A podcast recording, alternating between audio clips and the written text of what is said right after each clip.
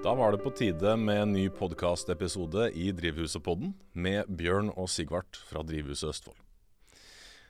I dag er en litt annen type episode enn det som vi har spilt inn før, eh, Sigvart. Vi står her i studio på Kråkerøy helt aleine for første gang. I dag skal vi ikke ha det som vi har kalt for Founder Stories. I dag skal vi rett og slett bare prate om, eh, om et tema som vi er veldig interessert i, og som vi jobber veldig mye innenfor. Eh, vi skal nemlig snakke om startup-miljøet i Østfold. Og vi skal snakke litt om hva det vil si å bygge et godt økosystem for startup-bedrifter. Ja, Bjørn. For i Norge så er det jo sånn at vi ligger på 33.-plass på en internasjonal rangering gjort hvert år av Startup Genome. Den kan, er åpen for alle å gå inn og sjekke. Og Der ligger altså Norge på 33.-plass. Og de tre beste byene i Norge det er Oslo, Trondheim og Stavanger. Hvor Oslo ligger på første, men på 105.-plass i et verdensperspektiv. Mens Trondheim, som ligger på andreplass, ligger på 390.-plass i verden. Hmm. Det er ikke veldig imponerende tall uh, vi viser til, nødvendigvis. Det er kanskje ikke den beste statistikken vi har å by på, nei. Det vil jeg vel absolutt si at det ikke er. Uh, og når vi begynner å se litt tilbake på Østfold, da, så er det jo sånn at uh, byene i Østfold er jo faktisk ikke å se på den rangeringa her ennå. Nei. Så det er jo litt det vi kanskje ønsker egentlig å diskutere og ta opp i dag, for å se på hva vi kan gjøre for å havne på den rankingen der. Ikke sant. Absolutt. Og vi har jo sett en del på, på gründer- og entreprenørskapssituasjonen i Østfold i løpet av 2019. For da gjennomførte jo vi i, i Drivhuset et prosjekt som vi kalte for GründerQ. Der vi kjørte en del undersøkelser ut blant gründere og blant, uh, blant de aktørene som tilbyr tjenester til gründere i området. Uh, det var jo et, uh, et prosjekt som var delfinansiert av Viken fylkeskommune. Og vi fikk samla veldig mye statistikk, bl.a. fra Brønnøysund, og ting som vi hentet inn selv. Eh, og vi fikk gjennomført ganske mange intervjuer og spørreundersøkelser ved forskjellige co-workinger, ved forskjellige tjenestetilbydere, og blant, eh, blant gründerbedriftene generelt. Eh, og da fokuserte vi jo på å se hva er det som gjør at Østfold-bedrifter ender opp konkurs eller med å legge ned. Uh, for det er jo ikke, det er ikke noe hemmelighet at Østfold er en del av den stygge statistikken med at syv av ti bedrifter blir lagt ned uh, i løpet av de første fem driftsårene. Ja, Det er ikke den beste statistikken der heller. Det er ikke det, dessverre. uh, så vi skal prøve å få gjort noe med det nå. Ja.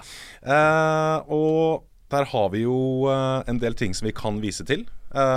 hvis vi skal ta bitte lite grann om statistikken sånn først, så er det sånn at gründersituasjonen i Østfold er egentlig ikke veldig annerledes fra resten av landet. Det er enkeltpersonsforetak og AS som dominerer når det kommer til selskapsformer. Kjønnsfordelingen er veldig lik. Eh, det er 85% menn som eh, stifter selskaper eh, i Østfold. 75% av de som vi snakket med, stifta sitt første selskap i alderen 18 til 35, som er relativt ungt. Det er veldig spennende. Eh, 60% av de som starta ett foretak, har starta i hvert fall ett til. Eh, og på, um, i det store bildet så stifter vi mellom 2500 og 3000 bedrifter i året i Østfold. Som er ganske mye. Ja, Det er jo faktisk ikke så gærent. Det er ikke så gærent. Men når 70 blir lagt ned etter fem år, så er jo ikke nødvendigvis det så Nei, så da ligger vi kanskje litt på stedet hvil, da egentlig, hvis du ser på antall nye etableringer opp mot konkurser? Det er nok akkurat det vi gjør. For selv om altså, den trenden med at vi, vi, stifter flere og flere selskaper, den går oppover, men vi legger ned like mange allikevel. Så det har blitt mer populært å stifte sitt eget selskap, men utfordringene er fortsatt de samme. Ja. Så vi sliter mye med de samme utfordringene allikevel. Og det var jo en av de tingene som vi prøvde å avdekke i dette prosjektet også. Og har det, det noe sammenheng med at vi starter de samme type selskapene i dag som før? Eller er det nye bransjer vi starter i dag? Det er, er nok litt vanskelig å si akkurat det. For det som jeg har sagt er at vi ser at det har ikke vært så stor utvikling i hva slags selskaper vi eh, stifter. Så det, vi kan si at det er det som vi kaller for statistisk korrelasjon, eller at det er en sammenheng her. Men at det er direkte øh, årsakspåvirkende, det vet vi ikke. Nei. Vi har, vi har statistikken og vi har, eh, vi har et relativt godt bilde over situasjonen. Men den veldig konkrete sammenhengen er vanskeligere å avdekke. Det er en av de tingene som vi, som vi, prøvde å se på gjennom de intervjuene som vi gjennomførte med gründere som har lagt ned selskapene sine, og enten gått videre til nye selskap, eller lagt hele gründerrollen på hylla. Uh, og Det som vi så da, er jo at det er i hvert fall fem gjentagende årsaker som vi ser går igjen hos de fleste. Ja. Uh, og det første, som ofte er den store stygge ulven for uh, oppstartsbedrifter, det var kapitaltilgang. Og da er det to ting som ble tatt opp. Det første er litt den som man ofte hører om, at uh, fienden er der ute og ikke her inne. Og det var ingen som kjøpte produktet vårt. Uh, og derfor fikk vi nok penger inn, og så måtte vi legge ned. Og det er markedet sin feil. Var det veldig mange som, uh, som mente. Hmm. I tillegg så er det sånn at hvis man er ganske fersk gründer, man er, si man er i alderen 18 til 35, sånn som ganske mange var i undersøkelsene våre. Når man da får sitt første møte med eh, en gründer og en entreprenørskapshverdag, og i tillegg skal begynne å forstå en investorverden, og skal begynne å hente investorkapital til bedriften sin, så kan det være en ekstremt komplisert rolle man skal fylle. Investorverden er vanskelig nok i utgangspunktet for de som ikke er eh, finansutdanna. Og når man da i tillegg har en hel gründerbedrift å skulle holde styr på, så blir dette veldig komplisert. Mange faller av, rett og slett. Den neste problemstillingen som vi så, er dette som eh, vi har valgt å kalle for samskaping med offentlig sektor egentlig litt misvisende at vi kaller det det, for det er ikke samskapingen med offentlig sektor som er problemet. Ja, det hørtes veldig rart ut. Ja. Eh, det som er saken, er det at uh, offentlige aktører i Østfold er veldig flinke til å være med gründerbedriftene på å kjøre litt sånn forskjellige pilotprosjekter, og på å kjøre produktutvikling og tjenesteutvikling sammen med bedriftene. Ja. Problemet derimot, det oppstår når gründerbedriften begynner å bli salgsklar. Og man kommer til f.eks. en kommunal aktør eller noe sånt nå, og sier at hei, du, dere var med på å utvikle dette, nå er det ferdig, har dere lyst til å kjøpe det?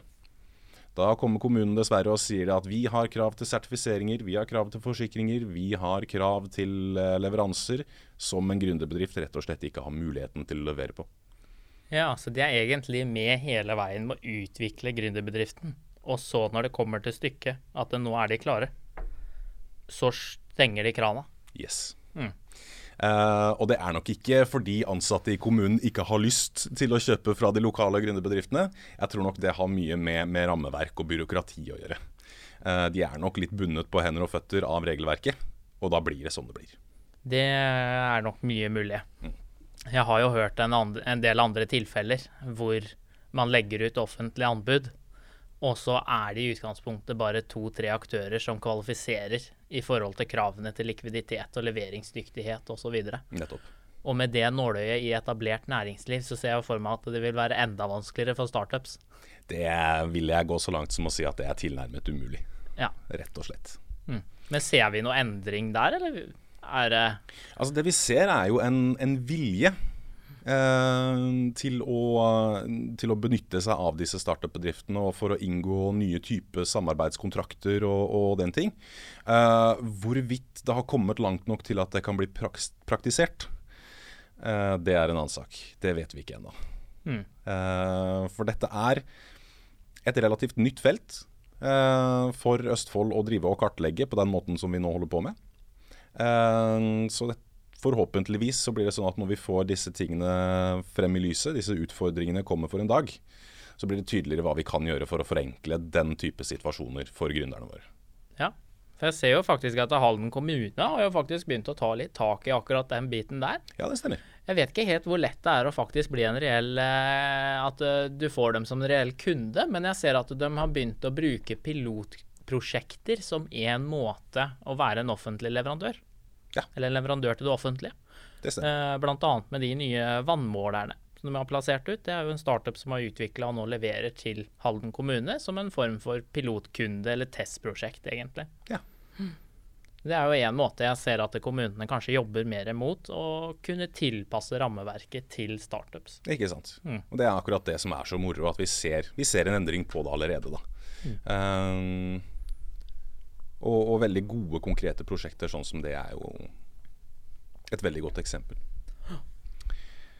Den neste utfordringen som vi, som vi har klart å avdekke, det er entreprenørskapsopplæring.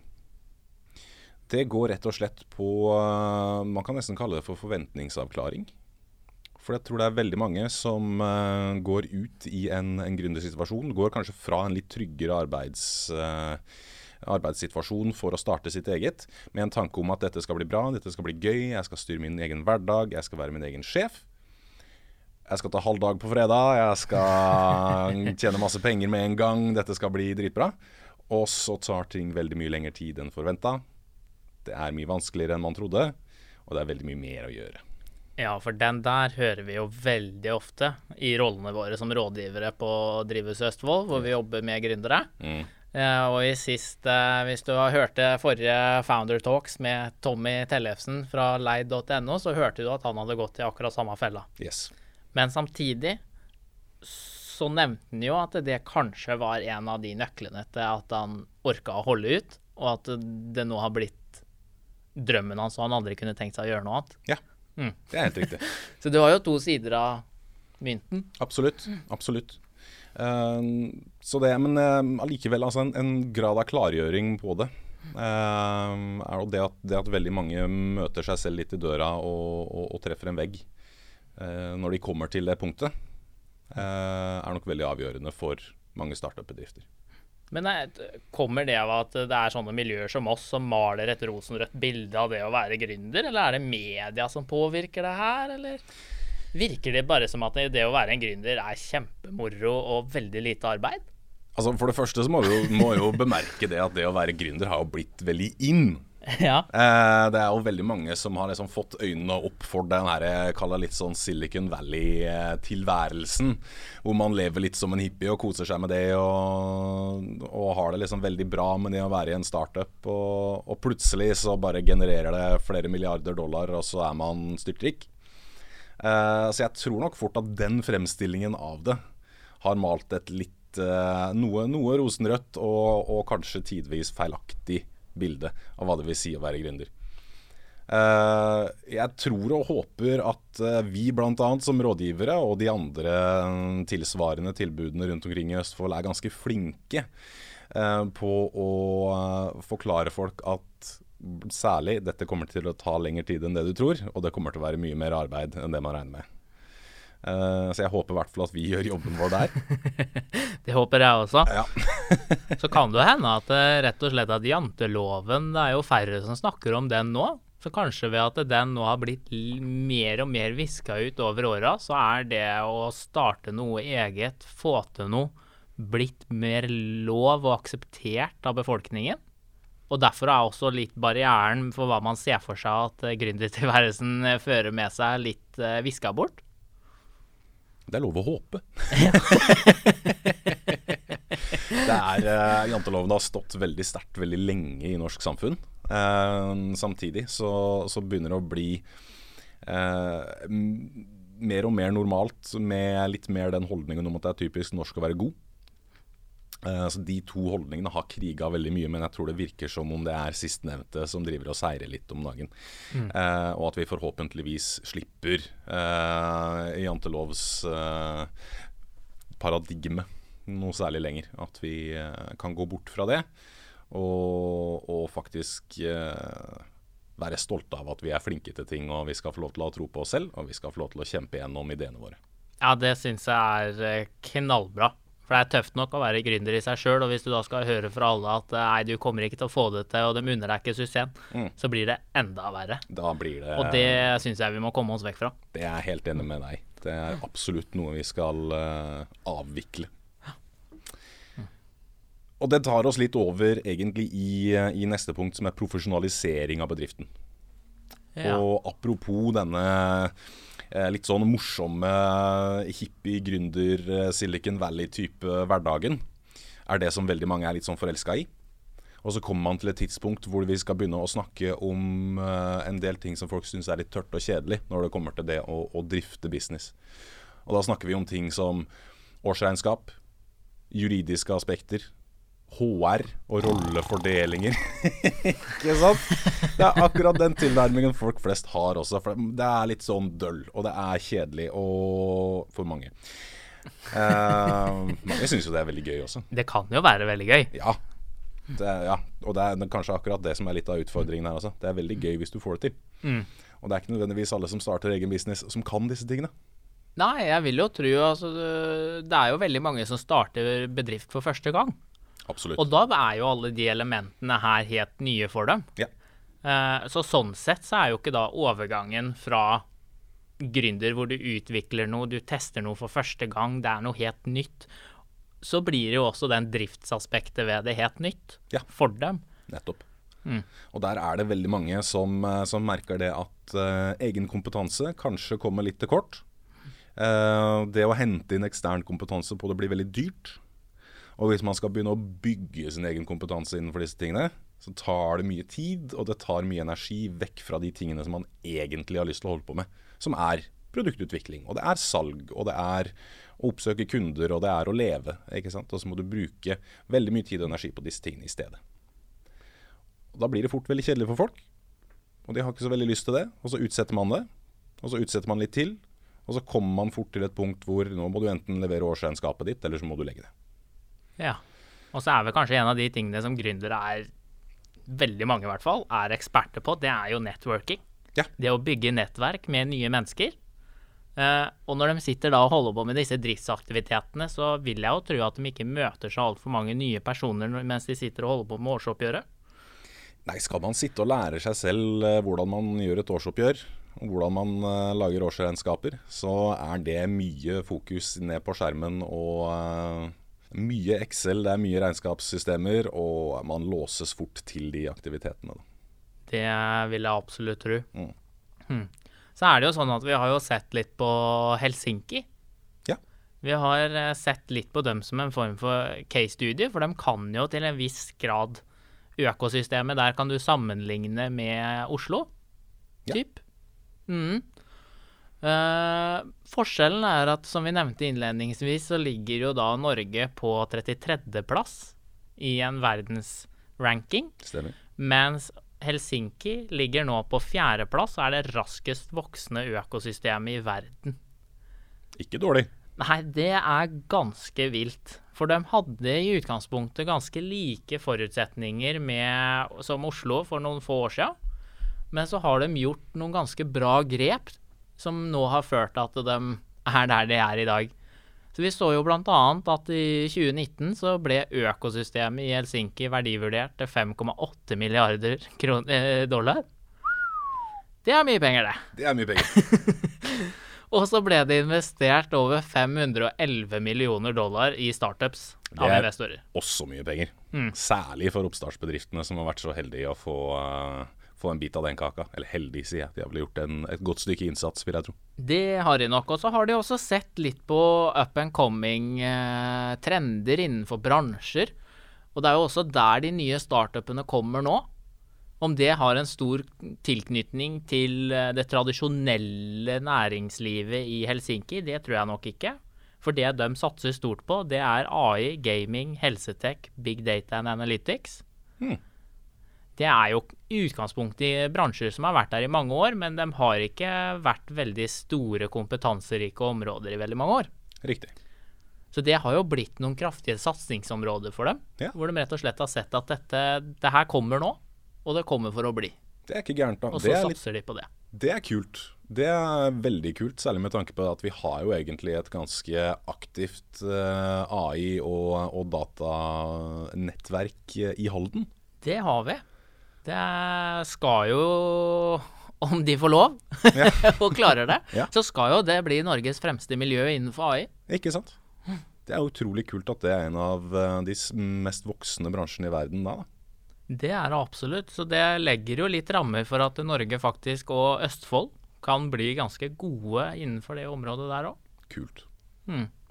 Så er det jo litt sånn vi har sett litt videre da på hvilke elementer kvaliteter som Helsinki har vært veldig gode på, og som tilfører økosystemet deres verdi, så de klarer å produsere startups nesten på løpebånd. Ja. Så blir det til enhjørninger, eller det vi kaller for unicorns. ja. Hva er det for de eh, som, eh, av lytterne våre som ikke veit hva det er fra før av? Det vil rett og slett si at du har vært inne i en startup-fase, og så har du gått for, Begynner du å nærme deg ferdig den startup-fasen og blir verdivurdert til 1 milliard kroner. 1 milliard. Det er, det er ikke så gærent. Nei, det er ganske mye penger. Så da har du måte Da har du i utgangspunktet klart å ta en liten bedrift og bygge den til noe som har et stort potensial. Ja. Har vi produsert noen eh, såkalte unicorns så langt i Norge foreløpig? I utgangspunktet så har vi ikke det. Den eneste som eh, hadde potensialet til det, det er vel Kahoot. Ja. Som er etablert av norske gründere. Eh, og så ser vi jo at det kommer noen spennende startups inne i Oslo nå, og rundt om i Norge, som har potensialet til å kanskje bli unicorns, men foreløpig så har vi ingen unicorns. Nei. Mens eh, nabo, naboen vår, Sverige, de har flere. Ja. Hmm. Ja, det er kanskje på tide da at vi ser til våre, mer, eh, våre naboer i Østen. Uh, og eh, ja, som du sier, og ser også på, på Finland også, med Helsinki som har det raskest voksende økosystemet i verden. Uh, og ser litt på hva de gjør, og kanskje om vi skal begynne å følge litt i de samme fotsporene. Absolutt, og jeg tror nok Norge er nødt til å gå inn i startup-verdenen nå og virkelig satse. Vi har eh, i lang tradisjon for å ha olje og laks på vår side som hovednæringer som genererer eh, bra med inntektsstrømmer til staten og næringslivet. Mens eh, i Sverige og i Helsinki og andre land så har de vært mye mer avhengig av det å etablere en ny, trendy næring som genererer verdiskapning. Og det er jo ikke før Altså, behovet har meldt seg for mange år siden, men det er først nå som vi begynner å investere en del kroner i det her. Og da er jo spørsmålet litt Er det litt for seint? Er det litt for lite? Eh, Ikke si det, da. Det er en veldig trist tanke. og jeg tror absolutt ikke det er for seint. Bra. Det er godt å høre. har veldig mye kompetanse, og vi har veldig mye erfaring innenfor mange områder. Så jeg er ganske bestemt på at eh, Norge kommer til å klare det. Og Østfold har potensialet til å bli gode startup ecosystems. Ja. Så kan vi jo se litt på de tingene som vi ser at eh, Helsinki har gjort veldig bra, da. Til forskjell fra kanskje det som mangler litt her i Norge. Og det vi i stor grad ser, det er at de er utrolig gode på å organisere og formalisere alle relasjoner, nettverk og miljøer. ja. Hvis du, Bjørn, skulle starta eget selskap Ja. Du har aldri gjort det før. Hvor vil du starte da? Hvem henvender du deg til? Google. Google. Google Almighty. Ja, det er vel, det er vel stort sett det. Google hvordan starte bedrift, tenker jeg. Er vel et eh, naturlig første steg. Ja, og det er jo gjerne der de fleste starter. Ja. Men da vil du i utgangspunktet, for Østfold snakker vi nå, da, Ja. så vil du da enten komme til ett av miljøene, mest sannsynlig. Ja. Hvis du treffer miljøene, og ikke bare masse forskjellige bloggartikler om hvordan du starter egen bedrift. ja, det er riktig. Mens hvis du søker på det i Helsinki, så har de lagd en paraplyorganisasjon for alle innovasjonsmiljøene, co-working spaces og alle tiltak som er der for gründere.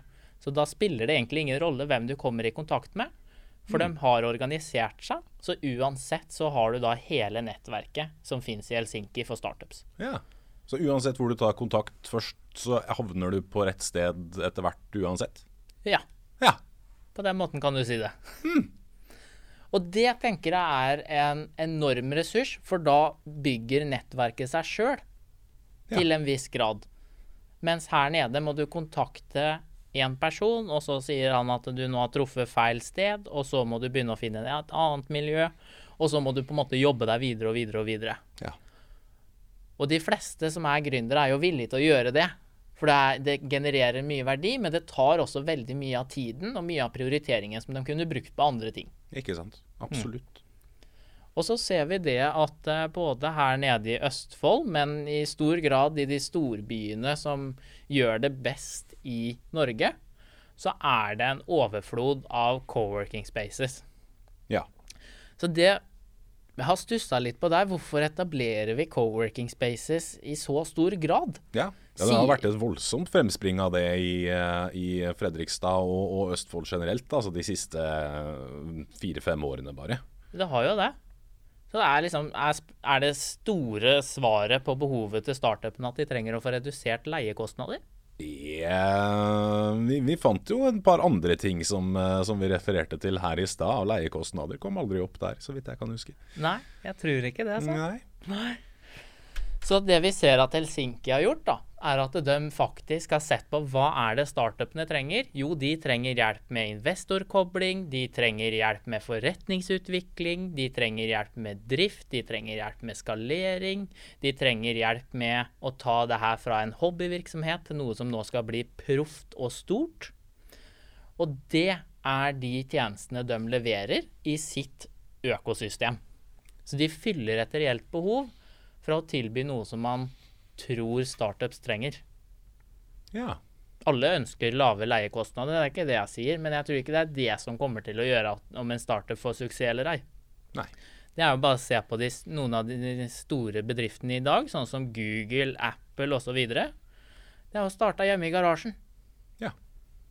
Du trenger ikke fancy kontorlokaler for det. Nei, det er helt sant. Altså, en annen ting som jeg syns er veldig, veldig, interessant med det du sier der, for her er det en, en veldig direkte parallell som vi kan trekke opp til altså, de gründerne som vi, som vi ser i, i, økosystemet i dag.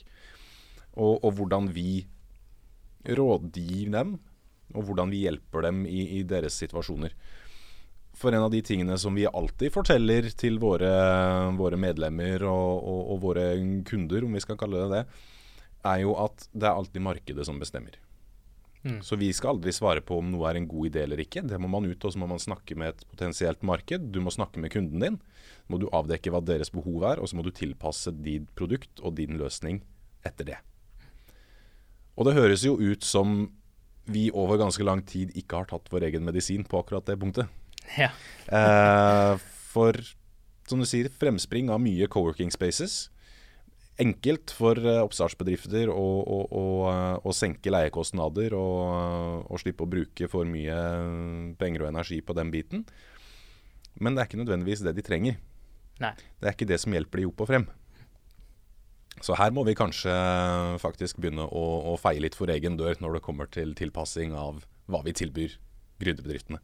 Absolutt, Bjørn, og det er veldig bra innspill. Og det er jo en, faktisk en del av de tingene som vi nå nevner som Helsinki har gjort veldig bra, og som vi kanskje har vært mindre gode på. Ja. Det er jo faktisk ting som vi nå de siste, det siste året har begynt å ta tak i, sammen med innovasjonsmiljøene her i Østfold. Så snart vil man se at de tiltakene her kommer opp i Østfold også. Som kommer til å legge mye bedre rammer og gjøre det mye lettere for startups å komme i gang, vite hvor de skal henvende seg, få kapital osv. Og, så videre, og den hjelpen de trenger. Det er jo dødsbra. Mm. Så syns jeg det var veldig bra innspill det du sa om at uh, en av de tingene vi jobber veldig mye med, det er å få startupene til å snakke med kundene. Ja. For det er jo rett og slett sånn at uh, vi kan hjelpe dem med mye, men vi kan jo ikke sitte og synse synsing. Helt riktig. Vi må gjøre om antagelser om hva man tror kundene vil ha og trenger osv. Det er eneste måten å gjøre det om til fakta, det er ved å gå og snakke med kunden. Ikke sant. Og lett, vanskeligere er det ikke. Nei. Mm. Da får vi begynne med det, vi òg. Vi får begynne med det, vi òg. vi har gjort det litt allerede, men jobben er på ingen måte over. Uh, for, å, for, å, konkludere litt, mm. uh, i og med at vi nærmer oss slutten på episoden uh, For å kunne få til et skikkelig økosystem her i Østfold, så må vi, vi må først og fremst vi må organisere tilbudene som er her. Vi må begynne å snakke med hverandre, vi som tilbyr tjenester til, eh, til gründerbedrifter. Vi må på et eller annet tidspunkt få organisert oss på en måte som gjør at vi samarbeider, men ikke, og ikke konkurrerer. Ja. Vi må spisse tjenestene våre i forhold til forskjellige målgrupper, så vi får med oss hele økosystemet. Alt fra studenter til dem som jobber i etablert næring og har en idé de ikke klarer å gi slipp på, til dem som er seriegründere og har gjort det mange ganger. Vi må ha et spesifikt uh, tjenestetilbud til alle målgrupper under en felles paraply. Ikke sant. Og det er akkurat denne paraplyen som, uh, som var neste, min neste tanke her også. at hvis vi skal stjele litt av den gode modellen fra Helsinki, så er det vel egentlig det som blir neste steg i akkurat den prosessen der. Vi må, vi må organisere oss på en måte så alle, alle har litt sånn felles, eh, felles, mål og felles ledelse. Og den enkleste måten å gjøre det på, er kanskje å organisere alle under en og samme paraply. Absolutt. Og så har jeg ett punkt til som jeg ønsker å flette inn der. Ja. Eh, og det er at den paraplyen må klare å koble etablert næringsliv, startups, offentlige myndigheter og akademia. Ja. For det tror jeg er eneste måten å klare å få opp både de litt lavterskelideene, men også dem med veldig stor innovasjonsgrad og stort potensial. Ja. Ved at man får akademia til å forske på det som er relevant for startups og næringsliv i forbindelse med produksjon og utvikling. Og at man får myndighetene til å tilrettelegge for det her i forhold til offentlige anskaffelser og i forhold til råverk. Og at man har et næringsliv som faktisk kan bidra med kompetanse inn som i produksjon og utviklingen av disse produktene og tjenestene. Og kanskje at man også har muligheten til å faktisk produsere det her lokalt. Ja, hmm. ikke sant. Ja, Så slipper vi at, uh, at alt, av, alt av produksjon flagges ut. Absolutt, og det tror jeg er et veldig viktig poeng. Mm. Jeg tror vi har gode muligheter til å få produsert mer her om uh, vi klarer å bygge opp en form for Quad Helix-modell på det her. Ja, absolutt. Hvor alle samarbeider. Uh, og så vil jo selvfølgelig startupene levere verdi til alle de tre aktørene her gjennom nye produkter og nye tjenester som kan effektivisere prosesser osv. Ikke sant. Og I tillegg til det så vil de kanskje velge å forbli i Østfold fremfor det å f.eks. flagge til utlandet eller andre regioner av Norge også. Mm. Som uh, definitivt uh, er til, til verdiskapende effekt både for kommune, for bedriften selv, for potensielle ansatte, regionen og etc. Ja. Og da er det vel litt sånn at det siste punktet som eh, vi skal ta opp i dag, eh, Bjørn, det er vel da det spørsmålet vi alltid får av startups og etablert næringsliv. Finansiering. Hvor finner vi finansiering? Er det penger her? Osv. Det spørsmålet hører vi jo hele tiden. Ikke sant. Det er jo en, en, evig problemstilling. Det var jo en av de tingene som gründerne har poengtert ut er den største utfordringen for dem også. Uh, der er det jo sånn at uh, Østfold generelt sitter på ganske mye kapital. Det er veldig mye pengesterke både privatpersoner og, uh, og kommersielle aktører. Ja, Er det det? Hvor, hvor finner jeg dem hen? Nei, Det er jo et godt spørsmål, da. For det er en av, det er en av utfordringene. Uh, vi vet at det er mye kapital som sitter her. Mye store bedrifter. Mye personlig pengesterke folk som helt sikkert også hadde hatt interesse av å, in å investere litt i noen startups her og der. Uh, men det fins ikke noe uh, der som mellom oss øvrige aktører innenfor grunnverden. Det fins ikke noe etablert, formalisert type nettverk. så man vet ikke hvor man skal henvende seg. Annet enn å kanskje prøve å stå på plena hjemme hos noen og, og, og rope ideen sin inn gjennom stuevinduet. Som ikke nødvendigvis er like populært. Eh, så det er jo en av de tingene som også må på plass. Mm. Uh, vi må sørge for det at uh, personer som har mye kapital, og som ønsker å bidra til forretningsutvikling i regionen vår, sånn at vi får de bedriftene som kan skape merverdi, som kan skape arbeidsplasser, får den startkapitalen de trenger til å rett og slett uh, få flyet opp, og, opp, i lufta. Absolutt. Veldig enig med deg der. Så det blir vel uh, siste punkt som bare må på plass. Vi får, uh, vi får ta for oss det etter hvert også, etter hvert som vi Ja, vi må bygge denne paraplyorganisasjonen, og vi får vel putte et investornettverk inni der også. Det kan hende vi skal gjøre. Ja. Vi får se litt mer på den biten der. Jeg tror vi sier det sånn, jeg. Ja. Men nå er det rett og slett sånn at det er fredag. Vi skal ta helga. Ja. Det håper jeg du som eh, hører på eh, får gjort. Om du, om du hører på dette på en fredag, så håper jeg det er god helg til deg også. Hvis ikke, så eh, får du bare ta helga når den kommer. Jeg og Sigvart vi takker for oss denne gang. Så tusen takk for at du har vært med å høre på. Ha det! Ha det!